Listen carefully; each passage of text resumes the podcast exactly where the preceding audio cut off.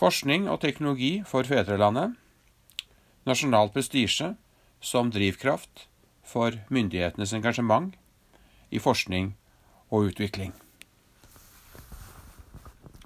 Den 12. april 1961 ble den sovjetiske kosmonauten Jurij Gagarin det første mennesket i rommet. To dager senere møtte president John F. Kennedy sine rådgivere og lurte på hvordan De forente stater kunne svare på Sovjetunionens triumf. Presidenten spurte, Er det noe sted vi kan slå dem? Hva kan vi gjøre? Kan vi gå rundt månen før dem?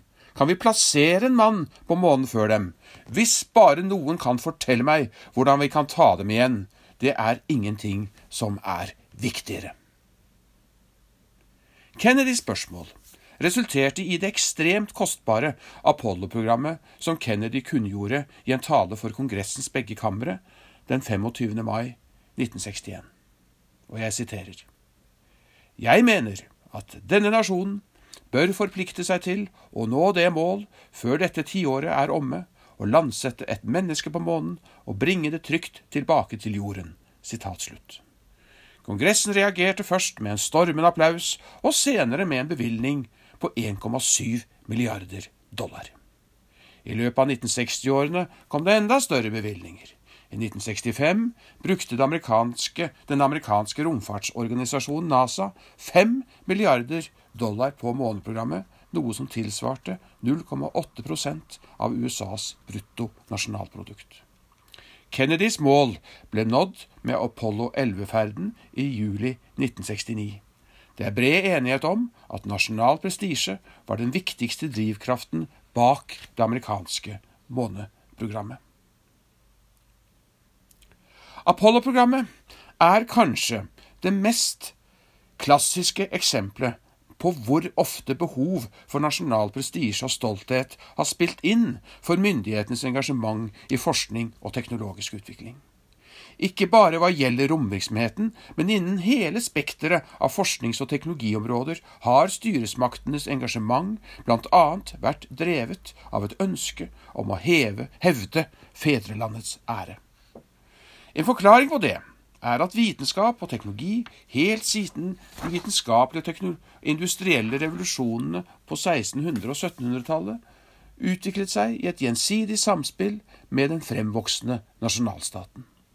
Ikke bare ble vitenskap og teknikk mer sentrale problemløsere for staten og det øvrige samfunnet, forsknings- og utviklingsaktivitet ble en viktigere ingrediens i formingen av nasjonens bilde som dynamisk og fremtidsrettet. Forskning og teknologisk utvikling ga nasjonalstaten modernitet i realitet og identitet. Når vi snakker om nasjonal prestisje og stolthet, kommer vi ikke utenom å drøfte hva personlig prestisje og stolthet er. For det er personer som utgjør nasjonalstater, og det er personer som tar beslutninger om statlig engasjement i forskning og utvikling. Dette berører et sentralt og ofte omstridt tema om forholdet mellom fornuft og følelser. Det viktigste i denne sammenheng er å konstatere at prestisje og stolthet har noe med menneskenes følelser å gjøre. Det er disse som til sammen utgjør det noen kaller for nasjonalfølelsen. Prestisje dreier seg kort sagt om en persons alminnelige anseelse hos andre, eller mer spesifikt om andres respekt og beundring for denne personens egenskaper og resultater. Stolthet kan betegnes som dyp glede eller tilfredsstillelse over oppnådde resultater, kvaliteter eller besittelser. Er det mulig å peke ut noen omstendigheter og behov som i særlig grad har ført til at statsmaktene har investert i forskning og utvikling for å fremme et lands prestisje. Det vi kan kalle for nasjonsbygging er én kategori. I denne sammenheng inngår investeringer i forskning og teknologisk utvikling i en evigvarende prosess, og bidrar ikke bare til byggingen og ombyggingen av nasjonen, men også til formingen og omformingen av dens identitet. En annen faktor kan kalles opphenting av andre. Siden Meiji-restaurasjonen på midten av 1800-tallet har eksempelvis Japan hatt som bevisst strategi å hente inn og gjerne overgå Vestens forsprang innen forskning og teknologi. Tidligere kolonier, som nettopp var blitt selvstendige stater, brukte ofte forskning og teknologi til å fremme nasjonal prestisje. Ett år etter at India var blitt uavhengig, i 1947, igangsatte styresmaktene i New Delhi et kostbart atomenergiprogram som annet hadde som mål å vise verden at India var på høyden med de fremste i verden innen vitenskap og teknologi. Programmet ledet til testingen av Indias første atombombe i 1974. Behovet for å vise storhet og bli behandlet på like vilkår og respekt har i flere sammenhenger spilt inn. Ofte har land satset på forskning og teknologi etter ydmykende hendelser for å kompensere for tap og redusert status. Franske myndigheters investeringer i forskning og teknologi har dels vært forankret i ønsket om fortsatt å bli oppfattet som stormakt. Bakteppet var blant annet et Frankrike som hadde lidd et ydmykende nederlag for Nazi-Tyskland i 1940, og som etter krigen ble behandlet som en annenrangs stormakt, eksempel ved å bli holdt utenfor Potsdam-konferansen i 1945, der Sovjet, USA og Storbritannia fastsatte realitetene for etterkrigstidens Europa. Videre var det franske koloniriket i ferd med å smuldre opp. Det ble maktpåliggende for franske styresmakter å utvikle egne atomvåpen slik at Frankrike fortsatt kunne være Frankrike, som Charles de Gaulle sa.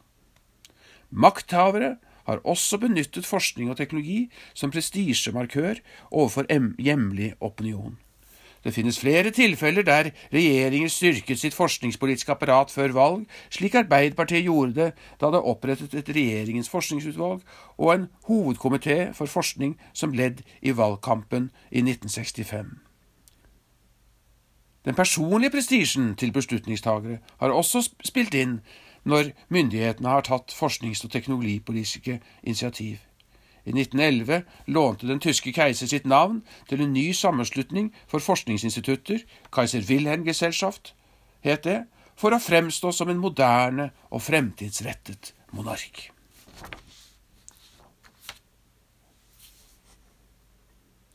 Styresmaktene velger sjelden å satse på forskning og utvikling eller ett forsknings- og teknologiområde ut fra en renskåren, rasjonell betraktning om hva som kan styrke fedrelandets ære best.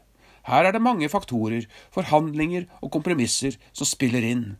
Det finnes noen studier som viser hvilke områder som gir et land prestisje. Følgende områder går igjen vitenskap og teknologi, økonomisk utvikling, sport, kunst og kultur, militær styrke, evne til å jevne ut sosiale forskjeller og velfungerende demokratiske institusjoner. Trolig er det sjelden noen direkte noe direkte konkurranseforhold mellom forskning og teknologi og andre samfunnsområder når statsmaktene skal styrke landets anseelse. Disse faktorene har ofte spilt inn når styresmaktene har tydd til forskning og teknologi som prestisjemarkører. For det første har man gjennomgående svart på det området der man er blitt utfordret. Er et land blitt utfordret i verdensrommet, så har landet svart i verdensrommet. For det andre har forskning og teknologi blitt brukt dersom det, dette har vært et nasjonalt fortrinn for landet. For det tredje har forskningens og teknologiens egen prestisje spilt inn.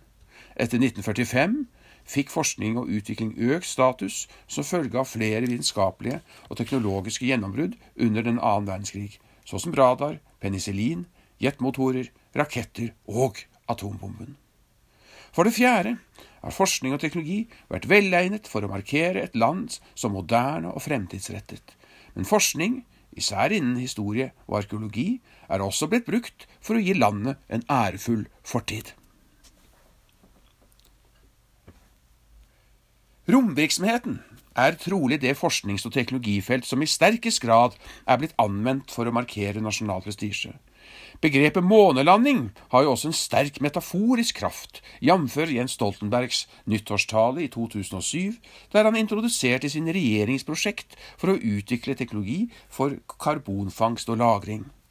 Da Kina som første nasjon landet på baksiden av månen i februar i 2019, var Folkerepublikken så stolt av det at den rykket inn en helsides annonse i The Economist for å skryte av begivenheten. Hvorfor har romvirksomheten i særlig grad blitt brukt til å demonstrere nasjonal prestisje? En faktor er at reiser i rommet styrker troen på at menneskeheten kan gjøre hva som helst. Like som atomenergien nøt romvirksomheten godt av etterkrigstidens sterke teknologioptimisme i mange år. Et annet moment er at romvirksomheten har vært forbundet med menneskehetens ønske om å utforske nye verdener og flytte grenser, på mange måter en forlengelse av tidligere tiders vitenskapelige ekspedisjoner og oppdagelsesreiser. Romvirksomheten har også gitt godt grunnlag for heltedyrkelse som Juri Gagarin og Neil Armstrong.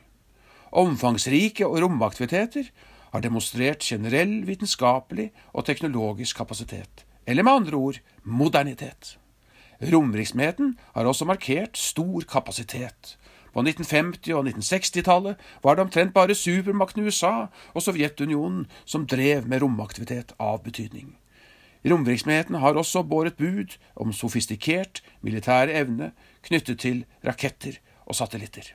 Endelig har romvirksomheten ofte vært spektakulær og gitt mye medieblest og sirkus, slik som for eksempel det amerikanske måneprogrammet gjorde. Og du kan lese mer om dette i min bok, som heter Forskning og teknologi for fedrelandet nasjonal prestisje som drivkraft for myndighetenes engasjement i forskning og utvikling. Det er bare å søke på en nettbokhandler, eller ta kontakt med meg, med meg på tore.likrøllalfaonline.no. online.no. Takk for meg.